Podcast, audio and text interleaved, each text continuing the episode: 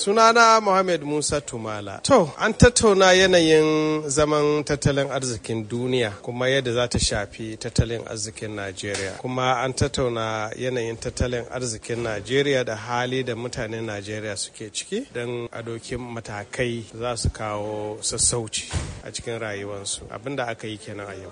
Na'am, na san akwai kuɗin ruwa da ake sanyawa lokaci-lokacin da aka zo taron kuma aka cimma na yau ɗin nan. To, yau an kara kuɗin ruwa ba don komai ba don a rage yawan kuɗi da za ta shiga cikin al'umma ta yi hidiman tattalin arziki ba don komai ba hakan takan iya ta rage yawan kuɗi da yake hannun jama'a kuma in yawan kuɗin ta ragu farashin ababai da suke kasuwa za su ragu kuma farashin kuɗin Najeriya wato exchange rate kenan ita kuma ma za ta yi stabilizing za ta daidaita. Da yana 18.75 wato kaso goma sha takwas da ɗigo saba'in da biyar. Yanzu ta dawo ashirin da biyu da ɗigo saba'in da biyar. Wato an kara abin da turawa suna cewa 400 basis points kenan or 4 percentage point aka kara. Na'am, ya kake ganin wannan matakin zai yi tasiri a daidai lokacin nan da ake samun tashin farashin dala? A kasuwannin bayan fage wato parallel market. abin da